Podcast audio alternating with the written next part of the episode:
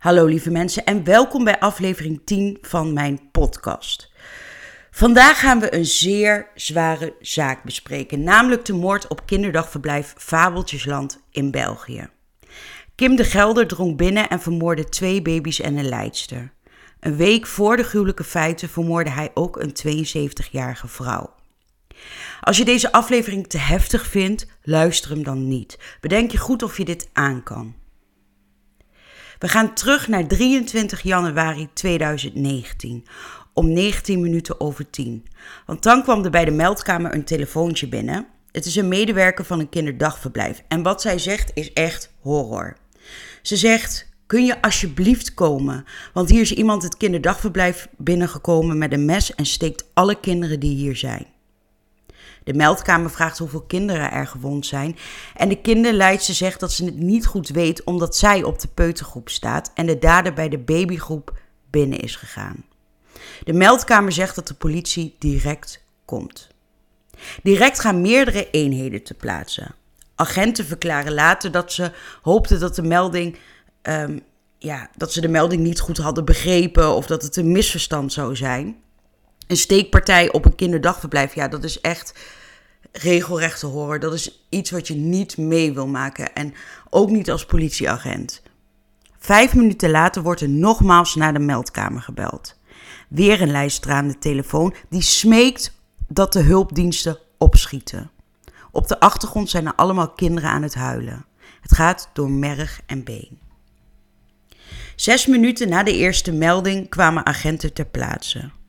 Ook de ambulance kwam aan. Medewerkers van de ambulance stonden buiten opgesteld, want niemand had enig idee of de dader nog binnen was, nog wat de situatie was qua aantal gewonden. Zij moesten dus wachten op de politie. De politie ging naar binnen met de ambulancemedewerkers. Toen zij naar binnen stapten in het kinderdagverblijf Fabeltjesland, leek het alsof zij in een horrorfilm binnenstapten. Er lagen kinderen en volwassenen op de grond. Kinderleidsters die niet gewond waren, waren andere kinderen en volwassenen aan het helpen. Overal lagen gewonden. Er was chaos en paniek. Ambulancemedewerkers begonnen met helpen van de gewonde kinderen en leidsters. Een van de ambulanciers dacht dat de dader misschien nog wel binnen kon zijn. Daarom moest de politie het hele gebouw doorzoeken. Voordat de politie dit deed, werd groots opgeschaald. Alle beschikbare politieeenheden en ambulancepersoneel moest naar het kinderdagverblijf komen. Op dat moment stond de politie in een soort van ja, glazen hal waar je binnenkwam. De eerste snelle conclusie was dat de steekpartij daar niet had plaatsgevonden. De politie ging één voor één alle ruimtes af om te kijken of de dader nog binnen was.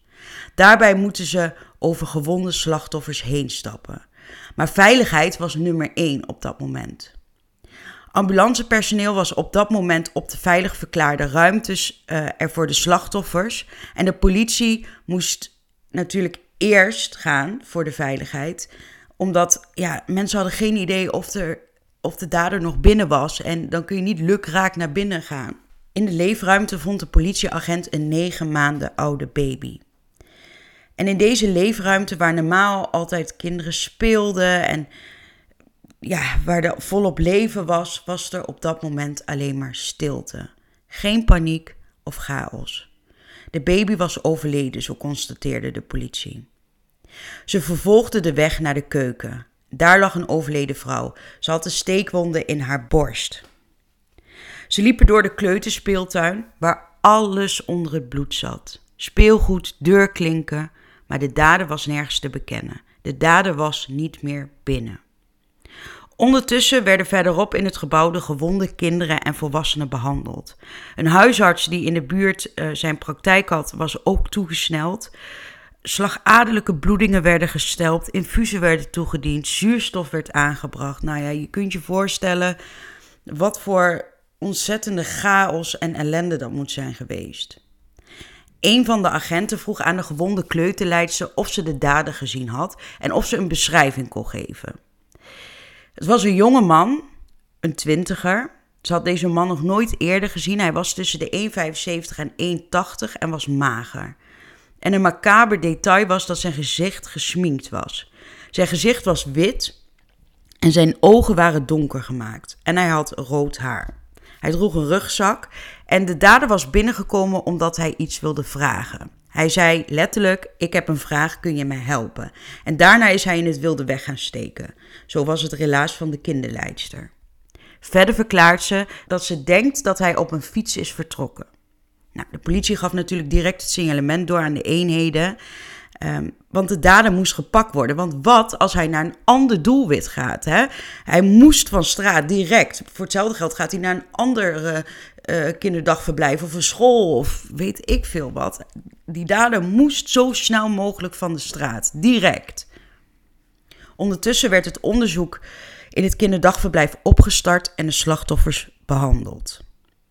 Om tien over half elf s morgens, dus nou ja, laat zeggen, een goed half uur na de, na de uh, eerste melding bij de meldkamer, doet een agent zijn gewone wijkronde.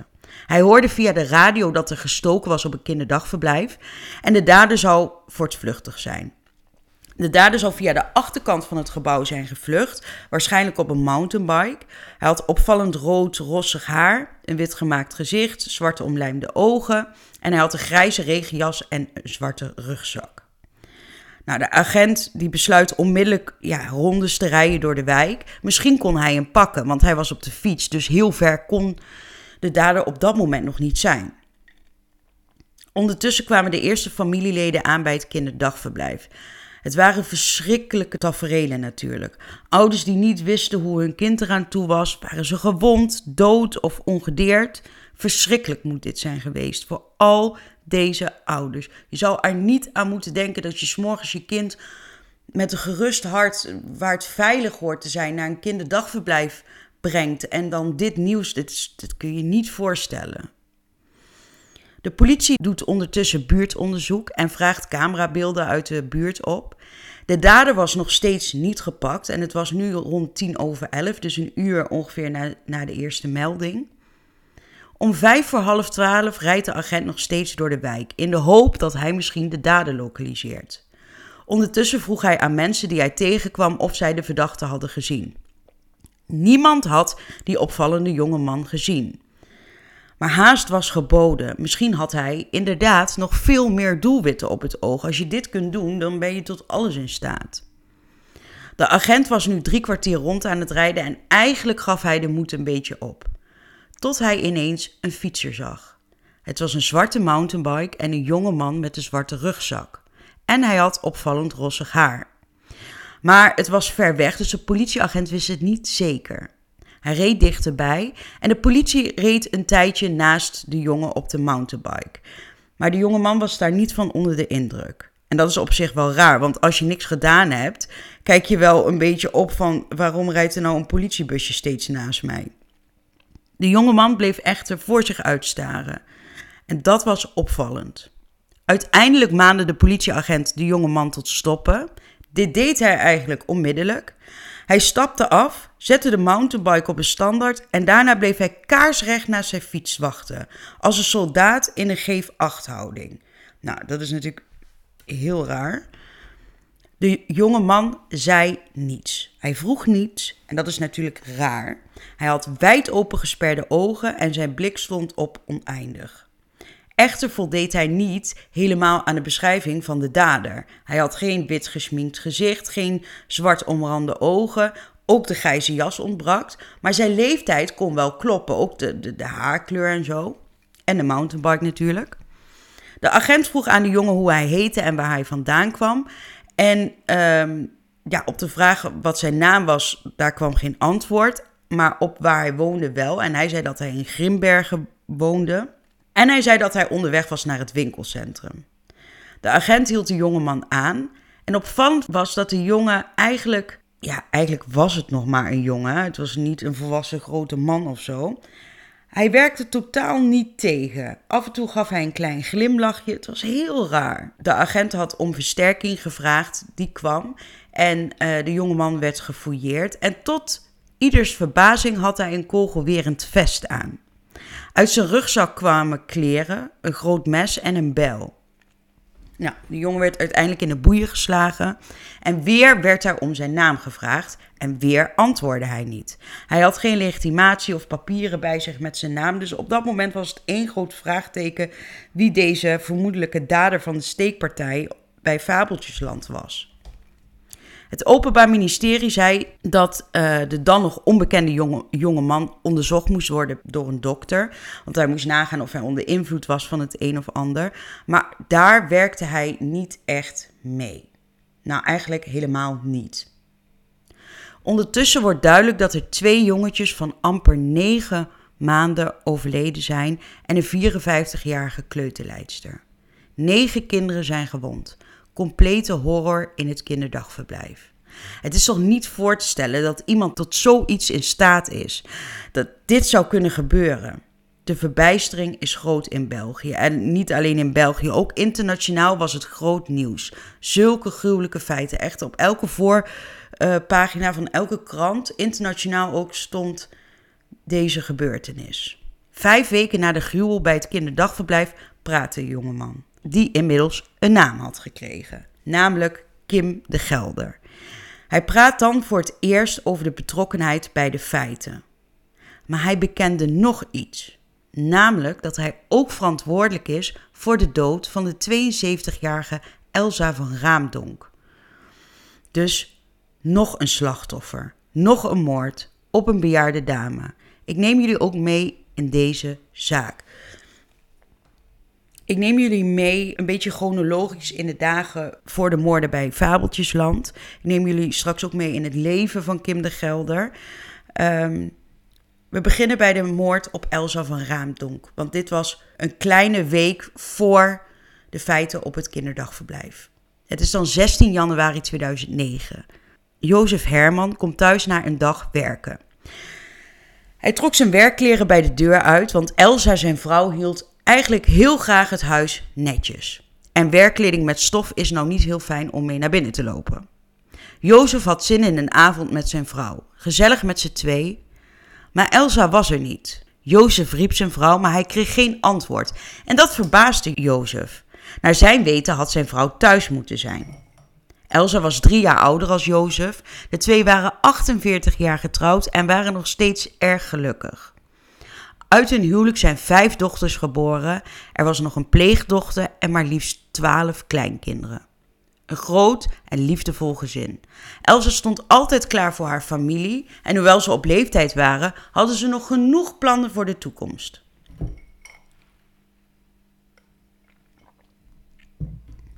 Jozef zocht nog steeds naar Elsa in huis. Misschien lag ze even op bed. Dat deed ze wel vaker. Toen hij de slaapkamer binnenkwam, zag hij, zag hij dat de deur van de slaapkamer op een kier stond.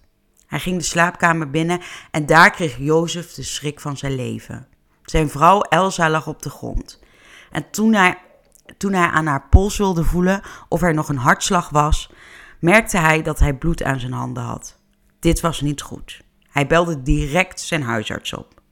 Deze kwam tien minuten later aan maar de dokter kon niets meer doen voor Elsa. Hij zag een wonde aan haar hals en pols. En uh, ja, ze, hij dacht in de eerste instantie misschien is ze wel gevallen door een hersenbloeding of trombose. Elsa was natuurlijk al op leeftijd. Maar toen hij nog eens goed keek, zag hij eigenlijk direct dat uh, deze gedachte niet klopte. Want hij zag dat de kleding bij, de, bij haar borst geperforeerd was. En toen de dokter onder de kleding van Elsa keek, zag hij meerdere steekverwondingen in haar borst. En ook in haar buik had ze verschillende wondes.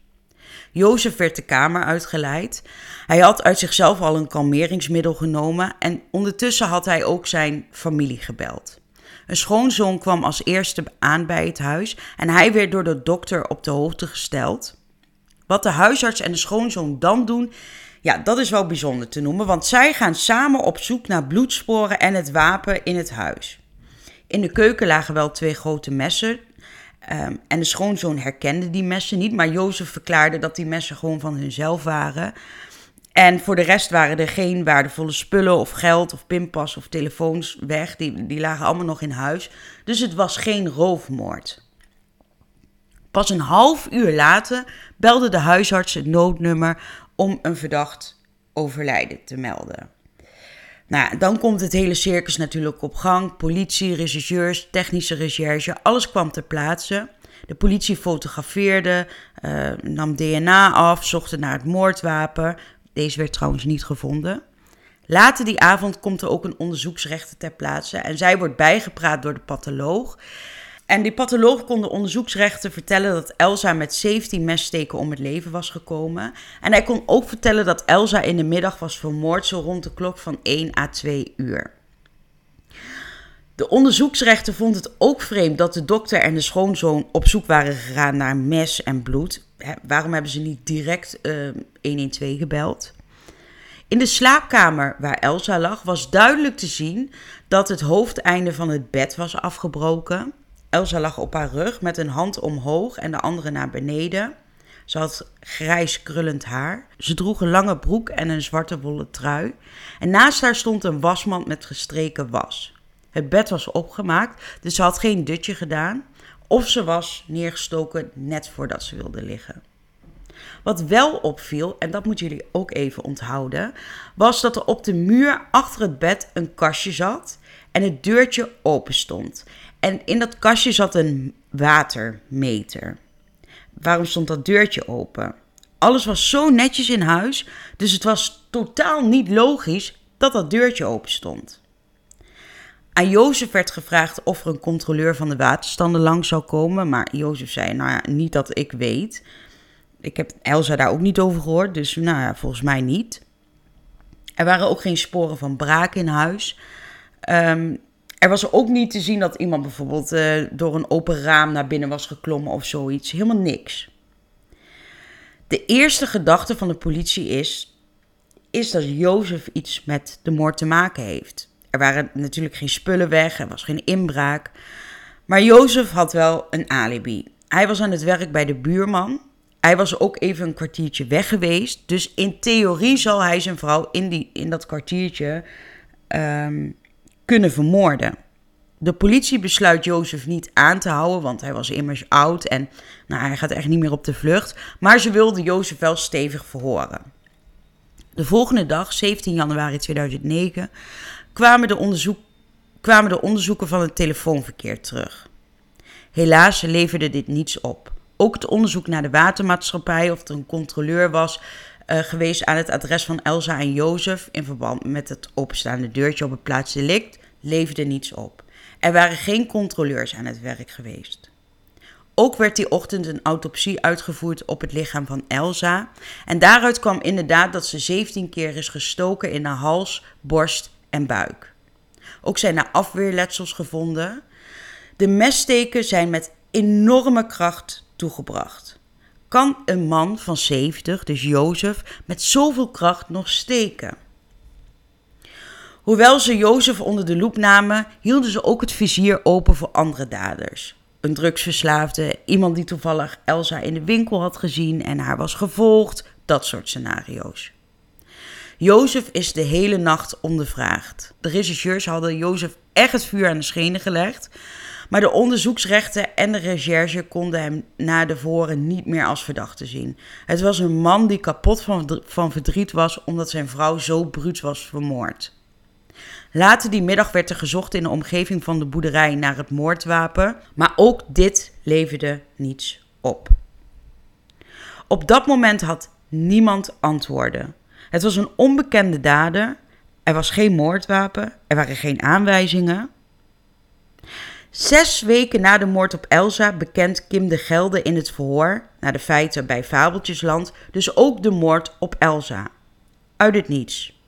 Een gelukje voor het onderzoeksteam die de moord, na, de moord op Elsa natuurlijk onderzocht.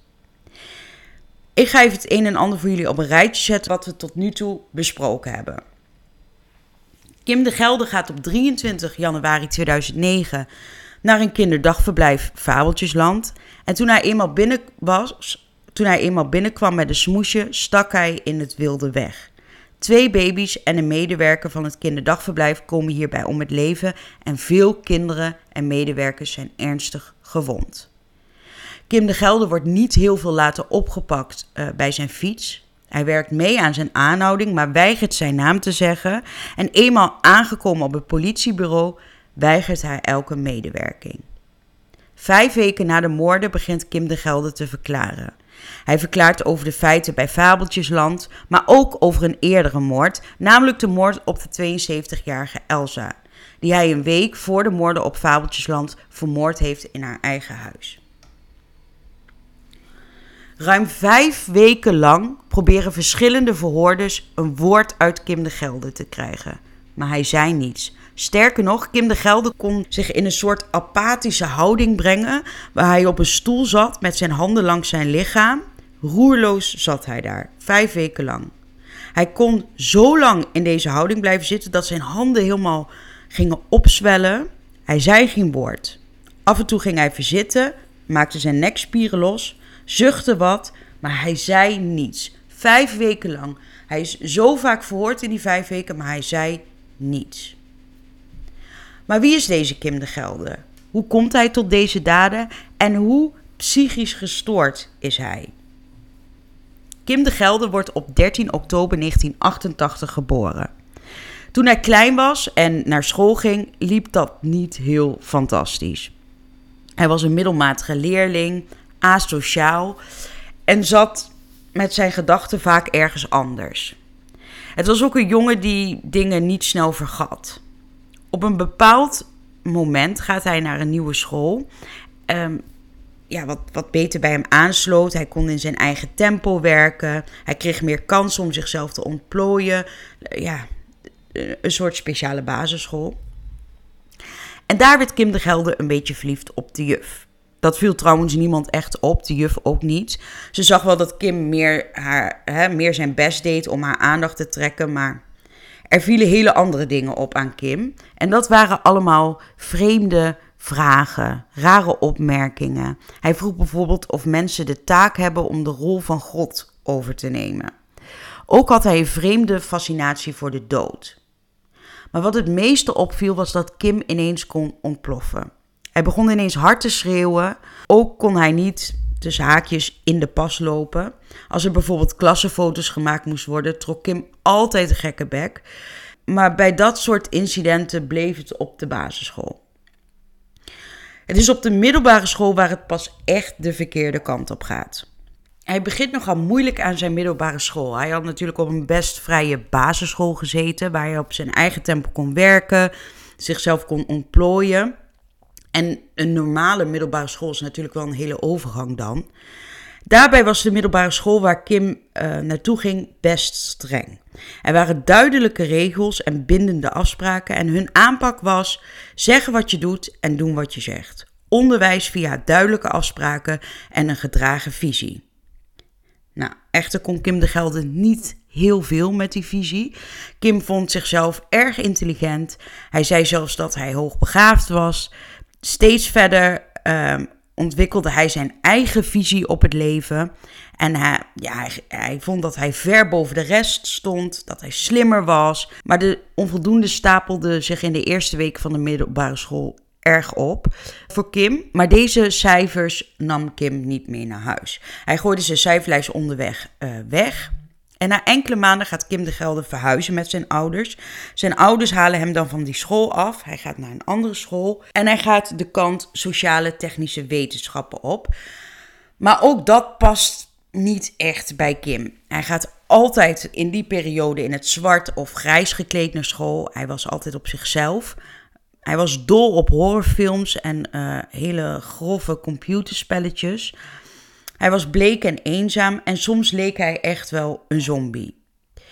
Toch is dit niet altijd zo op de middelbare school geweest, want er was ook een periode dat het wel goed leek te gaan. Dat was in het begin op die nieuwe school. Daar leek hij een betere aansluiting te hebben. Hij was niet de populairste, maar toch sloot hij zich wel aan bij een groepje. En dat was nogal een apart vriendengroepje. Dat groepje vult zijn dagen met kaarten. Geen voetbal, geen meisjes, maar kaarten de hele dagen kaarten. Binnen dat groepje was Kim de Gelder eigenlijk eh, de vrolijke sociale jongen.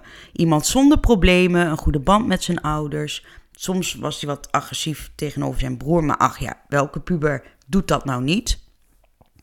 Hij was verrassend sportief en competitief. En hij deed aan karate en breakdance. En hij wilde altijd winnen.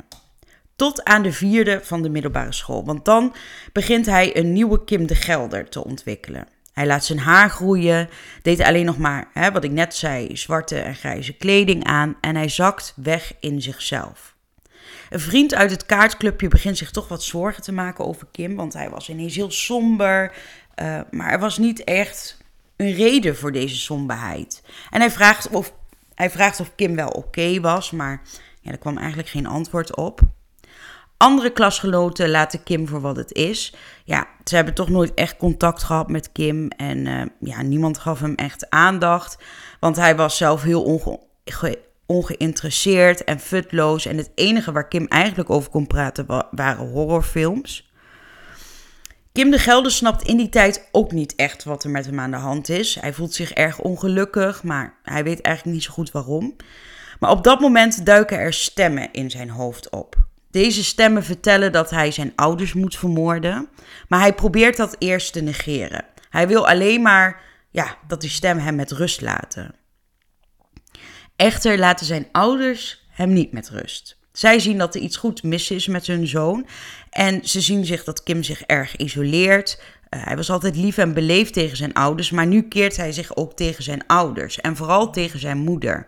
Begint vernederende opmerkingen te maken, onder andere over haar gewicht. Uh, hij zegt dat ze dom is. En ja, dat is natuurlijk bijzonder pijnlijk. En steeds als het maar doorgaat en eigenlijk je zo'n 380 graden draait ineens. Ze proberen in te grijpen. Ze verplichten hun zoon ook om naar een kinderpsychiater te gaan. En daarna laten ze hem ook nog therapie volgen bij een psycholoog. En hij moet medicatie gaan nemen tegen zijn depressie. Echter vindt Kim de Gelder dit allemaal erg overdreven.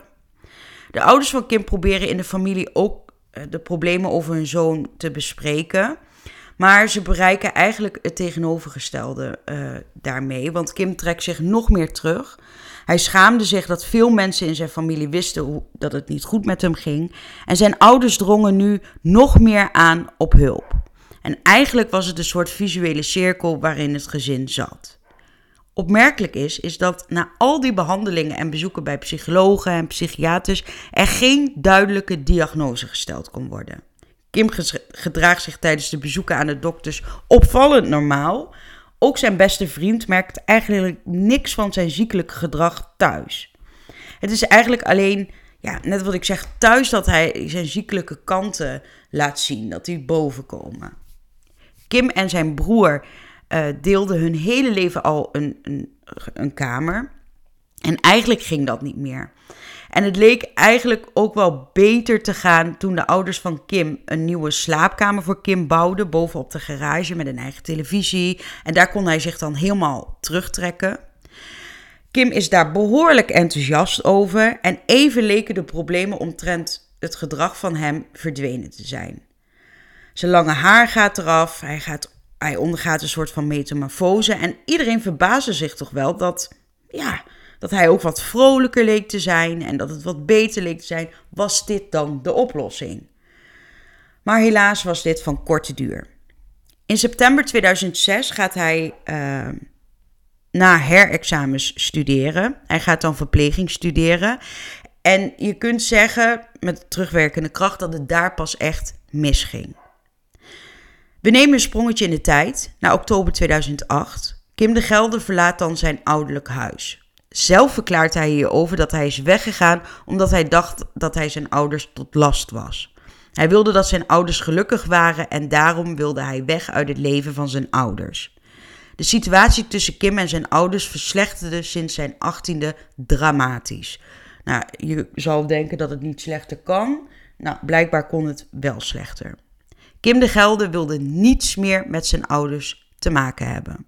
Daarom gaat hij in oktober 2008 op zichzelf wonen. Hij huurt een appartement. En het appartement ligt enkele kilometers van zijn ouderlijke huis af. Maar de band tussen Kim en zijn ouders is zo goed als verbroken. Hij verbiedt zijn ouders zelfs om bij hem langs te komen.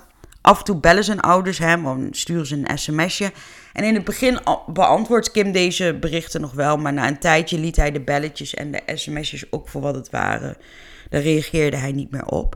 En je kunt je best wel voorstellen dat de ouders van Kim zich machteloos voelden. Um, ze hebben alles geprobeerd in de jeugd van Kim om hem verder te helpen, om hem te helpen bij zijn problemen. Maar hij is nu volwassen en hij, hij is vrij, hij kan gaan en staan waar hij wil. Maar ze waren echt wel bezorgd om het welzijn van hun zoon. En ze overwogen zelfs om een privédetective in te schakelen om erachter te komen ja, hoe het met Kim ging. Maar daar zien de ouders uiteindelijk toch wel van af, omdat ja, ze vonden dat wel erg extreem. Nou, de ouders van Kim vertellen ook nog zelf hè, dat het rond de 18e verjaardag van Kim heel erg misging. Hij trok zich toen helemaal terug op zijn nieuwe kamer. Kwam alleen nog maar uit zijn kamer als hij moest eten of hij had vieze was. Hij kreeg stemmen in zijn hoofd, hij was paranoïde. Er waren periodes dat hij dacht dat hij bij de politie zat. Ehm, en dan was er weer een periode dat hij bang was dat hij vergiftigd eh, werd en at hij alleen maar voedsel uit blik. Als zijn ouders in die periode vragen wat hij met zijn leven wil doen, antwoordt dat hij misschien bij het Vreemdelingenlegioen wilde. Of dat hij misschien ook wel huurmoordenaar wil worden. Nou ja, dat zijn allemaal hele verontrustende antwoorden natuurlijk. Hij begint natuurlijk wel aan zijn verplegersopleiding in die periode, maar ja, daar stopt hij eigenlijk ook al heel snel mee, omdat hij een negatief stageverslag kreeg. En daar staat in dat hij veel te traag was en dat hij geen empathie had en dat soort dingen. Nee, Kim stopte met school, hij wilde werken, maar hij had geen diploma's. Dus de baantjes zonder diploma's liggen niet echt voor het oprapen. En eigenlijk zit hij dan thuis. En dan gaat het vrij snel achteruit met Kim natuurlijk. Um, als zijn ouders op een dag thuiskomen, treffen ze Kim in paniek aan. Allerlei verhalen vertelt Kim. Warrige verhalen. Spionnen zouden het huis in de gaten houden. Ze zouden in de weilanden liggen. Er zouden mannen op het dak zitten. En om zichzelf te beschermen, sluit hij zich dan op in zijn kamer. Ook begint hij s'nachts weer te spoken. Hij duikt ineens midden in de nacht op aan, uh, het bed van zijn ouders. En het enige wat hij daar doet is staren. En dat maakt met recht zijn ouders bang. De vrees van zijn ouders, de vrees van de ouders van Kim is dat Kim zichzelf wat aandoet. En dit wordt alleen maar gevoed als hij op een dag zijn spullen verdeelt onder zijn broer en zus. En hij zegt: Aan het eind van de maand ben ik weg. Maar ze vrezen niet alleen voor het leven van Kim, maar de ouders vrezen ook voor hun eigen leven en die van hun andere kinderen. Kim heeft namelijk zijn broer verteld dat hij erover nadenkt om zijn familie uit te moorden. Daarna zou hij zijn opa en oma ook willen vermoorden. De vader van Kim bezat op dat moment een jachtgeweer en deze heeft hij toen weggedaan uit vrees voor Kim. De oom van Kim is zo bang dat hij tegen zijn vrouw zegt dat, Dat zij Kim nooit alleen binnen mag laten als hij voor de deur staat. Er komt dan een soort van familieberaad en daar wordt besloten om Kim te laten opnemen voor zijn eigen veiligheid, maar ook voor de veiligheid van anderen. De ouders van Kim hadden verslagen van huisartsen en psychiatrische verslagen. En de moeder van Kim was zelf ook werkzaam als verpleegkundige en zij herkende dus de symptomen van een psychose. Ze gingen met al deze informatie en stukken naar de psychiater. En de ouders van Kim verwachten dat de psychiater de ouders van Kim natuurlijk gelijk gaf en dat Kim verplicht opgenomen moest worden. Want als je dit allemaal zo hoort, is er een reële dreiging dat het op een dag gaat exploderen. Maar de psychiater vond dit allemaal niet nodig. In zijn ogen was, was er alleen een communicatiestoornis tussen de ouders en Kim. En dat de ouders van Kim het gewoon moeilijk mee had, dat Kim op zichzelf wilde wonen en bla bla bla bla bla. Nou, dit is natuurlijk ontzettend fout, want er was wel degelijk wat aan de hand met Kim. Veel meer dan een communicatiestoornis natuurlijk. Na dit doktersverzoek is het vertrouwen tussen Kim en zijn ouders definitief gebroken en verliezen zijn ouders alle controle over Kim. Kim, Kim kon zich nu maandenlang voorbereiden op een plan die al maanden door zijn hoofd spookte. Hij wilde moorden plegen, zoveel mogelijk. Het motief voor het plegen van de moorden wordt nooit echt duidelijk. Zelf verklaart hij over de moord op Elsa en de moorden bij Fabeltjesland dat hij wraak wilde nemen op de maatschappij. Want deze was te hard voor hem geweest. Hij was kwaad op de wereld. Hij was boos op alle mensen in de wereld en wilde zoveel mogelijk anderen het allerergste aandoen: hen vermoorden. Inmiddels is Kim dus verhuisd in de herfst van 2008 naar zijn appartement. Deze is nauwelijks ingericht en heel kil en hij werkt vanaf dat moment in het geheim aan zijn moordplan. Op 4 oktober koopt hij een set messen en een printer waar hij valse documenten en een dienstpasje mee kan printen. Tien dagen later, na deze aankopen, koopt hij een bril om zichzelf te kunnen vermommen. Een mobiel waarop hij een valse voicemail van een watermaatschappij op inspreekt. En twee dagen later bestelt hij een kogelwerend vest bij een speciaalzaak. En dat was niet zo makkelijk, want hij heeft meerdere uh, winkels daarvoor geraadpleegd. Daarna kocht Kim een plastificeermachine voor zijn valse dienstpas, een zwarte mountainbike, want deze kon hem naar de moordplekken brengen, een fototoestel voor zijn nieuwe pasfoto's en haarverf. Kleur roodbruin. Blauwe t-shirts met een vals logo van het Onderzoekscentrum voor Water- en Bodemverontreiniging en pH-strips om de zuurtegraad van het water te kunnen meten. Op dat moment moet hij alleen nog een vals pasje in elkaar knutselen en een plattegrond maken van de route naar zijn doelwitten. Dan was zijn plan helemaal rond. Je kan stellen dat Kim een doordacht plan heeft, dat er, dat er veel en veel tijd in de moordplannen heeft gezeten. Tussen de aankopen door doet Kim de Gelder ook iets heel macabers. Hij heeft van hout een soort mens gemaakt en neergezet in zijn appartement en daarop traint hij elke dag met een mes. Hij oefent het steken in hals, snijden in de buik. In een van zijn trainingen breekt de punt van zijn mes af en daarin leert hij dat hij dus meer dan één mes moet meenemen tijdens zijn moorden. Op dat moment heeft Kim met niemand meer contact. Hij leeft in een isolement. Hij wil ook met niemand contact. Hij wil alleen en hij wil al helemaal niet dat iemand in zijn appartement komt, want dat konden zijn, moordplan in gevaar, zijn moordplannen in gevaar brengen. Daarom sliep, hij letterlijk met een matrasje voor de voordeur. Maar in die tijd gebeurt er wel wat vreemds. Want hij gaat wel naar de 20ste verjaardag van een oude jeugdvriend. Deze vriend had hem in november 2008 uitgenodigd voor een feest ter ere van zijn 20ste verjaardag. En Kim gaat daar dus heen, ondanks zijn zelfgekozen isolatie. Wat ook opvallend is, is dat Kim met veel heel veel cadeaus. Ter waarde van honderden euro's aankomt op dat feest.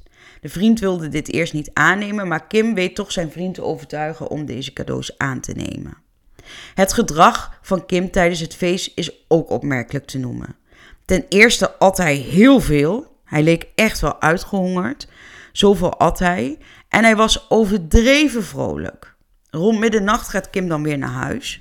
Op dat moment werkte Kim nog wel.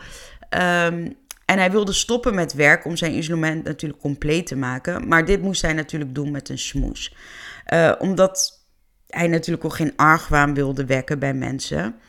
Uh, op dat moment had Kim zijn haar al gekleurd. En daar kreeg hij op zijn werk al wel uh, opmerkingen over. En dat overviel Kim eigenlijk. En hij had daarvoor een hele rare smoes gebruikt om te verklaren waarom hij zijn haar had geverfd. Namelijk dat kinderen als grap groene graffiti in zijn haar hadden gespoten. En ja, toen kreeg hij het er niet meer uit en besloot hij zijn haar maar te verven. Een bizarre verklaring natuurlijk. Daarop was Kim duidelijk niet op voorbereid.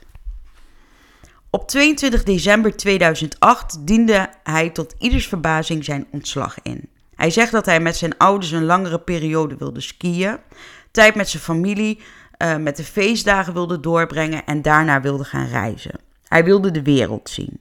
Die dag had hij ook nog getrakteerd op zijn werk. En dan wordt het 12 januari 2009.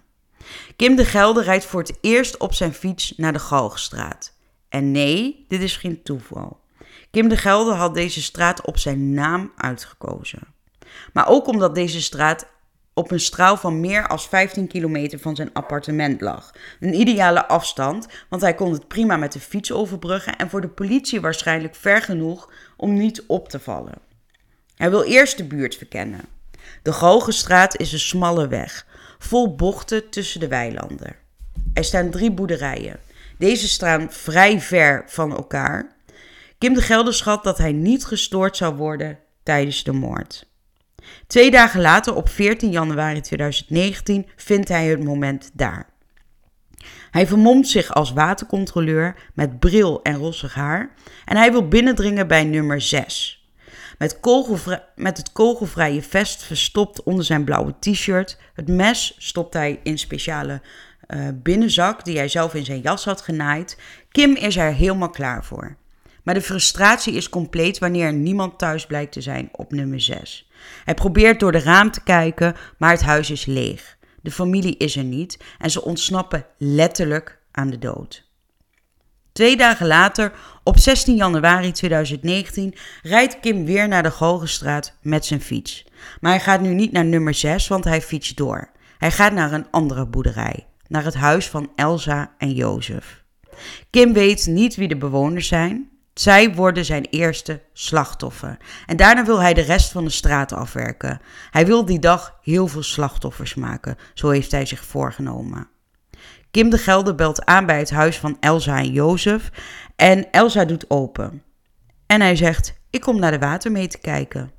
Elsa laat Kim binnen en ze had totaal geen argwaan. Het leek een vriendelijke jonge man. Hij had een klembord bij zich, een t-shirt van het onderzoekscentrum voor water- en bodemverontreiniging. En Elsa gaat Kim voor naar de slaapkamer waar die watermeter zit, achter het kastje, bij het bed. Voor ze zich kan omdraaien, grijpt Kim Elsa vast. Hij steekt haar in haar hals, buik en borst. Precies zoals zij thuis had geoefend. Maar het kost Kim meer kracht dan hij had verwacht. Elsa was fysiek behoorlijk sterk nog. Hij veegt zijn mes af aan haar kleren en doorzoekt het huis naar meer slachtoffers. Maar Elsa bleek alleen thuis te zijn. Zijn plan om de rest van de straat uit te moorden laat hij dan maar even voor wat het is en Kim vertrekt naar huis. Jozef zou zijn vrouw pas uren later dood in de slaapkamer vinden. Als Kim thuis komt, ontkleurt hij zijn haar. Daarna gaat hij in de badkamer zitten en overdenkt wat hij gedaan heeft. Kon het beter? Heeft hij fouten gemaakt? Heeft hij goed of fout gehandeld? Zijn oorspronkelijke plan was mislukt. Hij wilde de hele straat vermoorden en ja, daarin heeft hij dus gefaald, want hij heeft maar tussen aanhalingstekens maar één slachtoffer gemaakt. S'avonds was Kim de Gelder weer een beetje bijgekomen en hij gaat dan een avondje naar een voorstelling van cabaret. Echt bizar. Smiddags vermoord je een oude vrouw en s'avonds zit je te lachen bij een cabaretvoorstelling. De volgende dag speurt hij internet af naar alle nieuwsartikelen over de moord op Elsa. Hij maakte zelfs een samenvatting van. Eén pluspunt was dat hij, voor zover hij kon lezen, geen sporen heeft nagelaten. Maar ontstaat bij Kim een onvoldaan gevoel. Hij moest meer slachtoffers maken. Dit was nog lang niet genoeg. Er moest meer bloed vloeien. Een kleine week na de moord op Elsa, het is dan 23 januari 2009, een vrijdag. Kim de Gelder staat dan rond de klok van 5 uur op. Dit was de dag. En hij begint aan zijn voorbereidingen. Weer verft hij zijn haar rood. Hij eet nog wat energieke maaltijden. Hij maakt zijn rugzak klaar. En daarin stopt hij drie messen, een bijl, een neppistool, reservekleding, een brillenkoker, eyeliner en een spiegel. Een routebeschrijving en een zwarte tas. Zijn valse idee laat hij thuis. Als hij gecontroleerd zou worden, zou Kim een verzonnen naam en adres opgeven. Ook zijn telefoon neemt hij niet mee, want zo zou de politie hem kunnen traceren. Deze vrijdag was voor Kim de Gelder een belangrijke dag in zijn strijd tegen de wereld. Een belangrijke dag, maar niet de laatste dag, zo heeft hij beslist. Zijn missie, zoals hij dit zelf noemt, was nog lang niet afgelopen.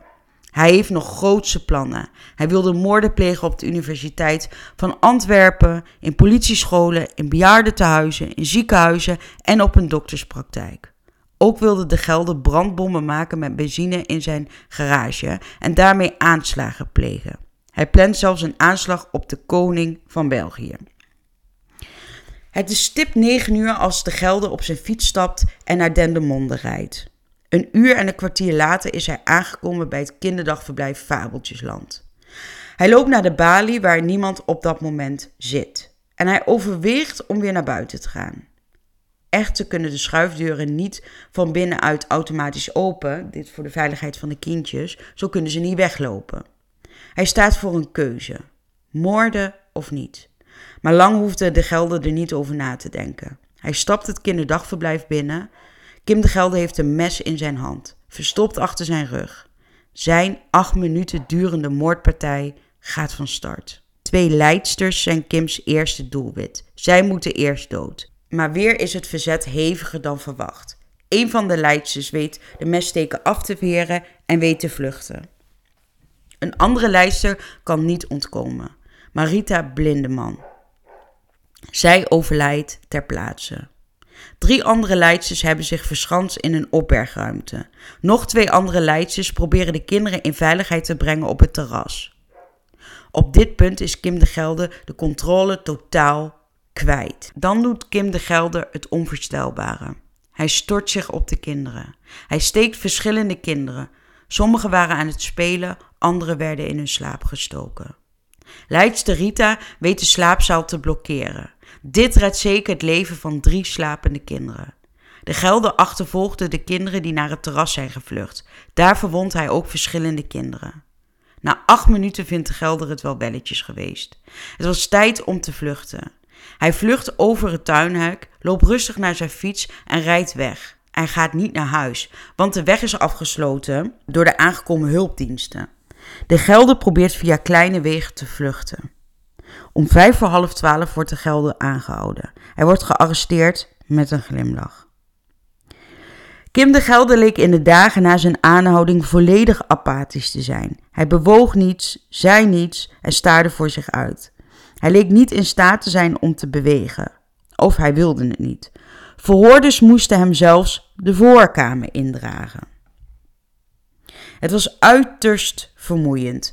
Kim de Gelder weigert te eten en te drinken, lijkt niet te beseffen waar hij is. Zo doet hij laten lijken als het voor aan de gang is. Maar wanneer de verhoorders een pauze nemen, registreert de camera in de verhoorkamer iets heel anders. Kim de Gelder begint te bewegen, schudt zijn spieren los. Maar wanneer de verhoorders terugkomen, gaat hij weer in de staat van niet bewegen en niet praten.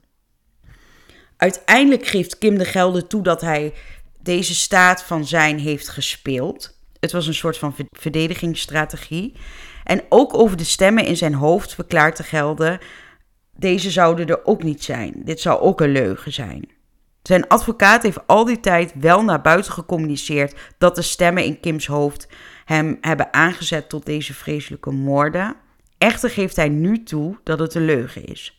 Ook deskundigen hebben in hun rapporten geschreven dat Kim geen stemmen in zijn hoofd heeft die vertellen dat hij de hele wereld moest vermoorden. En ook dat hij in psychose fijnste. Het gedrag van Kim in de gevangenis gaat op en af. Periodes van waanzin, maar ook periodes waar Kim zich normaal lijkt te gedragen. Hij schept zelfs op over zijn zogenaamde acteerkunsten.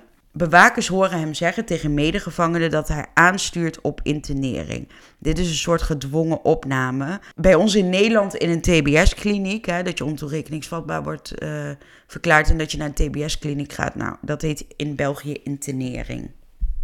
Kim zegt letterlijk: Ja, die sukkels hier die denken dat ik in een psychose zit, maar ze weten niet dat ik met hun voeten speel. Deskundigen zeggen dat de Gelder zich superieur aan de politie en de bewakers voelt ook aan de psychiaters. Hij pocht zelfs over de moorden. Dit doet hij tegen bewakers en verpleegkundigen. Hij verzint er zelfs nog andere moorden bij. Vier jaar na de moorden, in februari 2013, gaat dan eindelijk het megaproces tegen Kim de Gelder van start. En een megaproces wordt het. 29 slachtoffers, 28 advocaten, 174 getuigen en een dossier van meer dan 20.000 bladzijden en 82 burgerlijke partijen. Het wordt het grootste proces in de Vlaamse geschiedenis. De media-aandacht is ook onverminderd ontzettend groot. Mensen die uh, het proces wilden bijwonen aan extra veiligheidsmaatregelen onderworpen. Elke aanwezige werd grondig gefouilleerd. Ze moesten ook door die metaaldetector. De Gelder werd met een speciaal team van de politie vanuit de gevangenis met telkens andere routes naar de rechtbank eh, gebracht. De rechtszaak vond plaats in Gent en de rechtszaak zou vier weken duren en bijna 300.000 euro kosten. De inzet van het proces was onder meer: is de Gelder toerekeningsvatbaar ja of nee? Volgens de advocaat van de Gelder, Haantjes, was de Gelder ziek. Hij was ontoerekeningsvatbaar. De Gelder moest geïnterneerd worden. Met 25 minuten vertraging kwam de Gelder voor, de voor het eerst aan in de rechtszaal. Iedereen kende de foto's van de Gelder, die enge zwart-wit foto. Een witte jongen met lang donker haar. Maar daar was niets meer van over. Hij was bijna onherkenbaar. Hij had kort haar, een rond gezicht en een baardje. Een vier weken lange leidersweg voor de slachtoffers en nabestaanden. Kim de Gelder gedroeg zich wispelturig. Hij was bijna trots op zijn daden, glimlachte op de meest vreemde momenten, gedroeg zich arrogant, wilde niets zeggen in zijn laatste woord. En Kim de Gelder vond dat de wereld om Kim de Gelder draaide. Hij stond terecht voor vier moorden en 25 moordpogingen. Na zeven uur kwam de jury terug. Was Kim de Gelder een massamoordenaar of een gestoorde gek? Ontoerekeningsvatbaar of niet? De jury oordeelt dat de Gelder schuldig is aan vier moorden en 25 pogingen tot moord. De Gelder was uiterst zelfbeheerst tijdens de moorden. Hij had een vrije toestand en kon keuzes maken. Daarom was hij niet in een psychotische toestand, want hij, hij was koelbloedig en ijzig kalm tijdens de moorden in Fabeltjesland. De Gelder heeft een dubbel profiel van zowel een massamoordenaar als een seriemoordenaar. En dit maakt hem uiterst gevaarlijk voor de maatschappij. De jury en de deskundigen zeggen dat de Gelder niet in aanmerking komt voor internering. Voorwaarden die voor, daarvoor gesteld zijn door de wet, daar voldoet de gelder niet aan. Wat vaststaat is dat de gelder nooit meer terug mag keren in de maatschappij. Er bestaat geen enkel excuus voor al deze feiten. Ook de advocaat van de gelder zei trouwens dat de gelder nooit meer de maatschappij in moet. Maar hij gaat dan voor internering. Uiteindelijk krijgt de gelder een levenslange gevangenisstraf. Hij blijft vier jaar stil rond de gelder. Hij zit in een gevangenis in Oudenaarde. Hij leeft daar geïsoleerd in een cel met een computer en een tv. En in 2017 besluit de directie van de gevangenis dat men internering voor de gelden moest aanvragen. De gevangenis kon hem niet nog meer medische ondersteuning bieden. Om de twee maanden zijn er hoorzittingen over het bijzonder veiligheidsregime van de Gelden. En tijdens de hoorzitting van januari 2017 werd duidelijk dat er iets moest gebeuren omtrent Kim. De directie van de gevangenis geeft aan tijdens deze hoorzitting uh, dat er een aanvraag is gedaan voor internering. Kan mede doordat er een nieuwe uh, wet is. En deze wet zegt dat als gedetineerden zodanig geestelijk gestoord zijn, of als een gedetineerde een gevaar voor zichzelf of voor anderen is, deze alsnog geïnterneerd kunnen worden. De advocaat van de Gelden zegt dat hij merkt dat de Gelden niet in de gevangenis thuis wordt. Er valt niet te communiceren met hem. Hij is niet rationeel, heeft geen empathisch vermogen. Hij reageert afwijkend en is extreem onverzorgd. Hij leeft letterlijk 24-7 geïsoleerd. Hij heeft met niemand contact en ziet en hoort niets. Om het kwartier gaan de bewakers kijken of hij nog leeft. Je kunt je natuurlijk voorstellen dat heel België op zijn kop stond toen duidelijk werd dat er aangestuurd werd dat Kim de Gelder geïnterneerd moest worden terechte vragen ontstaan. Dus zoals de vraag: wat als hij zich ineens voorbeeldig gedraagt? Komt hij dan vrij? Nee, was het antwoord. De Gelder is veroordeeld tot een levenslange gevangenisstraf. Dit vervalt niet. Wordt hij ineens weer tussen haakjes beter, gaat hij terug naar de gevangenis. Uiteindelijk wordt de Gelder in 2020 geïnterneerd. Het was een lange en intense zaak deze week. Ik ben me ervan bewust dat deze zaak heftig was, omdat het ook baby's betreft die zijn vermoord. Ik denk dat jullie wel kunnen begrijpen dat ik niet dieper in ben gegaan over waar en hoeveel verwondingen deze kleine kinderen hadden. Dit omdat het gewoon te heftig en te ongepast is. Voor extra beeldmateriaal kijk op mijn Instagram pagina Moord in de Lage Landen. Bedankt voor het luisteren en tot volgende week.